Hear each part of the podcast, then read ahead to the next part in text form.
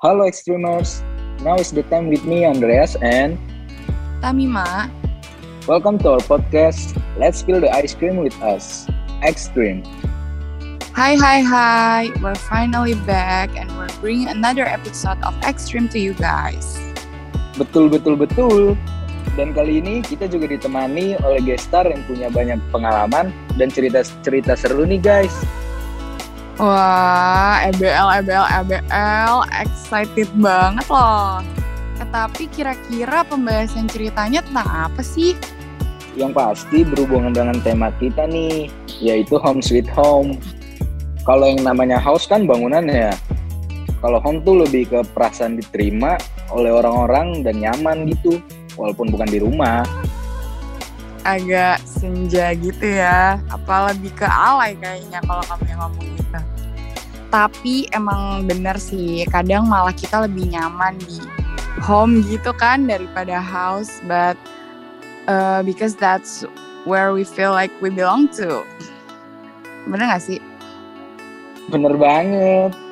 Intinya setelah kalian nyobain rasa ice cream yang kita spill hari ini, pasti kalian akan ngerti banget omongan aku tadi. Oke deh, kita langsung gas aja kali ya. Spill kali ya gestar kita kali ini. Eh, sebelum itu aku mau perkenalkan dulu nih sedikit tentang gestar kita. Gestar kita kali ini adalah teman-teman kita yang rela merantau meninggalkan orang tua dan saudara di negara asalnya demi menuntut ilmu nih guys. Oh, agak negara asal ya. Tapi bener sih. Bahkan kadang mungkin mereka suka kangen. But that's okay. Karena di sini mereka juga menemukan keluarga baru yang memberikan rasa baru juga kepada mereka. Layaknya ekstrim yang selalu memberikan rasa-rasa ice cream yang baru setiap episodenya. Bener banget. Jadi sekarang beneran kita spill nih ya. Guest star kita hari ini ada Nia dan Cia. Halo Nia, Cia. Halo guys. Hai, asik. Dari Halo. namanya guys. aja nih udah klop banget nih ya guys. Lagi nanti pas dengerin semua cerita-cerita mereka di dorm sama-sama yang lainnya juga pasti oke banget nih. And guys, aku juga mau ingetin untuk siapin snack dan minuman favorit kalian ya. Karena kita akan spill the ice cream again with you today. Enjoy guys. Oke, eh, Nia, Cia, kita mau nanya-nanya nih tentang seputar kehidupan kalian di dorm, terutama dorm di PU ya. Aku mau nanya buat Cia dan buat Nia, udah berapa lama sih kalian tinggal di asrama? Mungkin dari Nia aja dulu ya, boleh ditanya. Oke, boleh-boleh silakan. Oke, eh, kalau aku itu dari awal semester 1 banget sih, itu bulan Agustus tahun 2021. Berarti bulan depan itu pas setahun aku tinggal di asrama. Oh, iya. Gak kerasa ya udah setahun. Kalau Kalau aku sendiri sih udah tujuh bulan ya, dari awal offline kemarin. Oh, berarti baru nggak dari masuk nggak langsung ke dorm ya? Eh, enggak, aku masih online gitu. Oh, oke oke oke. Terus gimana so far? Mungkin Andreas mau tanya-tanya nih, pasti kepo juga kan? Eh, buat Nia nih ya, bagaimana sih ekspektasi saat dulu awal mikir bakal tinggal di dorm? Em, Oke, soal ekspektasi itu awalnya aku itu underestimate bentukan asrama Presiden University ini. Jadi aku itu udah kebayang bakal tinggal di tempat yang nggak begitu luas, terus ramai, berisik, nggak tenang lah gitu intinya. Udah kebayang juga tuh ngantri di toiletnya gimana, mandinya gimana, apa aku harus bangun pagi supaya nggak rebutan toilet gitu kan. Belum lagi cerita horor turun temurunnya yang udah buat aku panik dari awal karena aku juga anaknya penakut kebetulan. Dan karena aku tuh anak daerah, jadi tuh punya kekhawatiran tersendiri gitu. Apa aku tuh bisa berbaur menyesuaikan diri dengan masing-masing dari mereka, apa enggak gitu. Begitu. Waduh, curhatannya banyak juga ya ternyata ya. bener bener bener. Nah berarti Nia sendiri nih uh, first impressionnya tuh udah cukup uh, nano-nano ya nih first impression tinggal di asramanya. Tapi kalau misalkan tentang kesan pertama ketemu orang-orang baru itu gimana kamu Nia? Nah itu dia, ternyata semua ekspektasi aku soal asrama yang udah aku sebutin tadi itu salah besar. Jadi kesan pertamanya itu ternyata kamar asrama tempat aku tinggal ini cukup luas. Bahkan walaupun kamarnya sharing, itu tetap cukup luas lagi kalian bisa benar-benar ngatur segala barang yang ada itu pas gitu nempatinnya. Dan yang paling penting itu ketenangan dan kenyamanannya. Soal ini kalian tuh bisa ngerasain sendiri nanti kalau udah tinggal di asrama.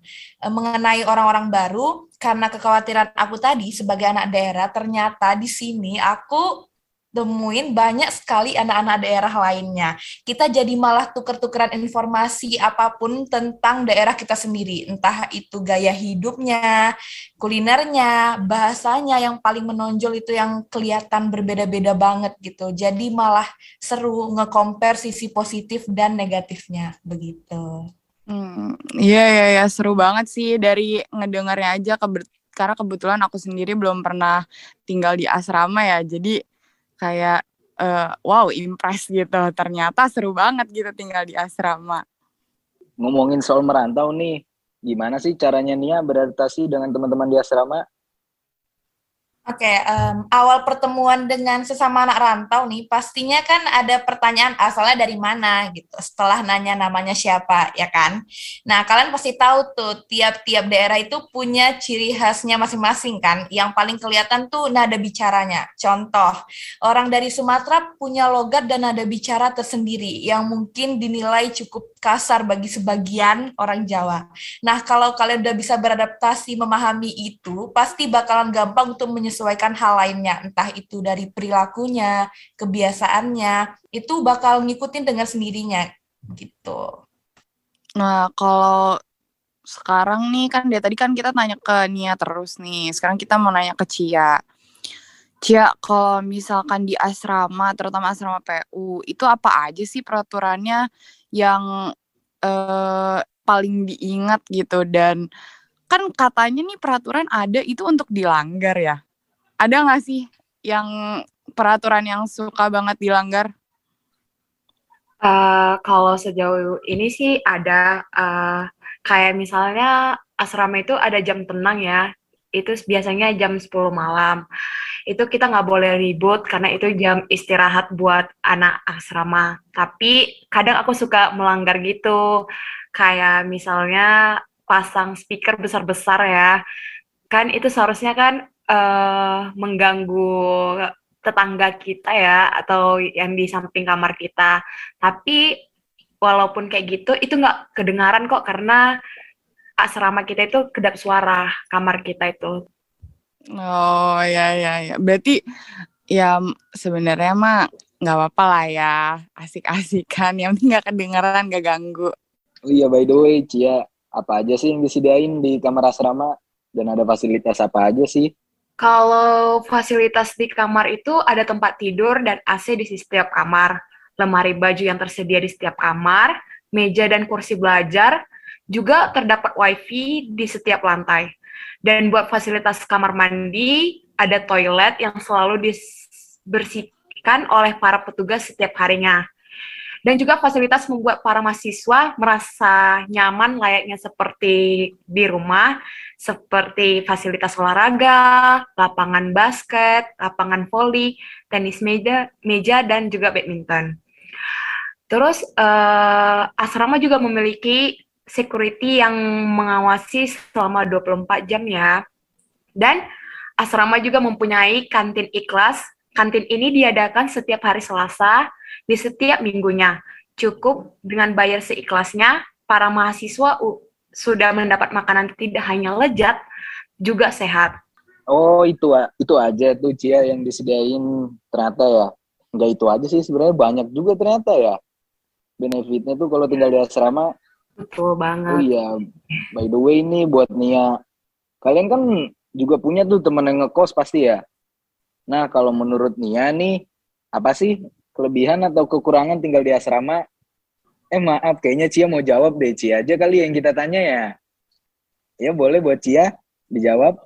Oke, kalau kelebihan asrama sih tiap pagi dan siang itu koridor itu selalu dibersihkan sama petugasnya ya. Walaupun kamar mandi kita sharing kayak semua bisa pakai, tapi itu tetap dibersihin gitu sama petugasnya. Berarti itu selalu dibersihin ya di dorm itu sama petugasnya. Kalau kamar sendiri tuh dibersihin juga sama petugasnya atau gimana? Uh, kalau kamar sih enggak ya, tapi kalau misalnya koridor, uh, terus toilet itu selalu dibersihin sama petugas. Walah, ya untuk Cia, ada nggak sih pengalaman yang nggak bisa dilupain tuh selama tinggal di asrama? Oke, mungkin aku bisa bantu Cia jawab kali ya, soalnya aku lebih lama di asrama. Jadi oh, eh, pengalaman yang mau jawab. Iya, pengalaman yang tak terlupakan itu mungkin berkaitan dengan kegiatan-kegiatan yang bisa diikutin di asrama. Misalnya tuh kegiatan buka bersama, ngerayain Idul Fitri, bazar, terus ada push got talent juga. Jadi untuk anak-anak asrama itu bisa menampilkan bakat-bakat yang mereka punya disaksikan oleh seluruh anak asrama begitu. Terus ada juga acara opening ya perkenalan untuk anak asrama. Jadi kalau misalnya kalian masuk asrama dari awal itu kalian udah disambut dengan sangat hangat oleh warga-warga asrama ya mungkin dari satpamnya, ibu kantinnya atau mungkin kakak-kakak mentor di setiap gedung yang akan membina kalian selama ada di asrama ini begitu. Oh berarti itu asrama friendly banget kali ya Iya dong. Jadi pengen seru sih banget, seru banget, seru banget. Ayo. Kayak mindahin tetangga-tetangga di kampung halaman ya. Kayak last question nih buat Nia dan Cia. Um, bener nggak sih kalau misalkan tinggal di asrama itu bikin anak-anak yang tinggal bareng itu jadi makin dekat satu sama lain? Coba boleh uh, dijawab. Mungkin dari aku dulu ya. Uh, kalau aku rasa sih iya, karena kalau misalnya kita siap kelas atau lagi free, misalnya kan kalau accounting itu kan uh, banyak yang kelas kosong kan. Itu biasanya kami sering ngumpul misalnya ke kamar Nia, ke kamar yang teman-teman yang lain, terus kayak cerita-cerita bareng, makan-makan bareng. Jadi kayak bikin akrab gitu loh. Kalau Nia gimana? Kalau dari aku juga sama ya kayak Cia, itu kerasa banget bakal dekat uh, satu sama lain karena uh, tinggal di asrama di tempat yang sama. Jadi ngerasa kayak ada di satu komplek perumahan yang kita tuh nyuci sama-sama, masak sama-sama gitu. Jadi kerasa pokoknya semuanya tuh ngelakuin segala kegiatan tuh bareng-bareng gitu. Seru, seru, seru, seru banget nih. Berarti ini cerita berkesan banget ya pasti ya selama hidup kalian tinggal di asrama ini. Kan? Iya gimana, gimana nih? Seru banget cerita-ceritanya nih dari gestar kita. Yang mereka sharing di episode kali ini tuh kayak wow banget gitu ya, bikin jadi tertarik. Seru banget, seru banget. Agak jadi pengen ngedorm juga ya. Tapi uangnya melompat pergi dari dompet macam kelinci, jadi mohon maaf aja nih. Bener juga sih ya apalagi kalau lagi check out online shop ya Besti. But back to our episode today aku tuh salut sama mereka yang bisa berteman langsung gitu. Dan bisa ketemu sama yang saya frekuensi tuh rasanya seneng banget gak sih? Bener banget apalagi pas baru mau kuliah. Jauh-jauh belum kenal siapa-siapa gitu kan. Then they came and they got your back. Karena mereka merasakan hal yang sama. gitu kayak ketemu saudara jauh aja yang juga ngerti kita gitu kali ya Betul, betul. Dan seperti ekstrim juga yang akan selalu ada untuk kalian ketika kalian mau berbagi atau ketika kalian lagi burn out, you can listen to us and we'll be there for you. Betul tuh. Gak terasa kita udah harus berpisah lagi guys hari ini. Kami harap episode kali ini bisa memberikan manfaat dan menghibur kalian semua ekstrimers. Kita mau ngucapin terima kasih kepada Extremers yang udah dengerin episode kita kali ini. Dan yang pasti makasih banyak juga buat gestar kita yang mau menyempatkan waktu buat sharing pengalaman di sini. Last but not least guys, buat kalian yang mau request untuk topik next episode, kalian bisa langsung di DM atau komen aja di Instagram kita at extreme. Jangan lupa follow, like, comment, and stay tune untuk konten-konten kita selanjutnya ya. You. Thank you, Ciania.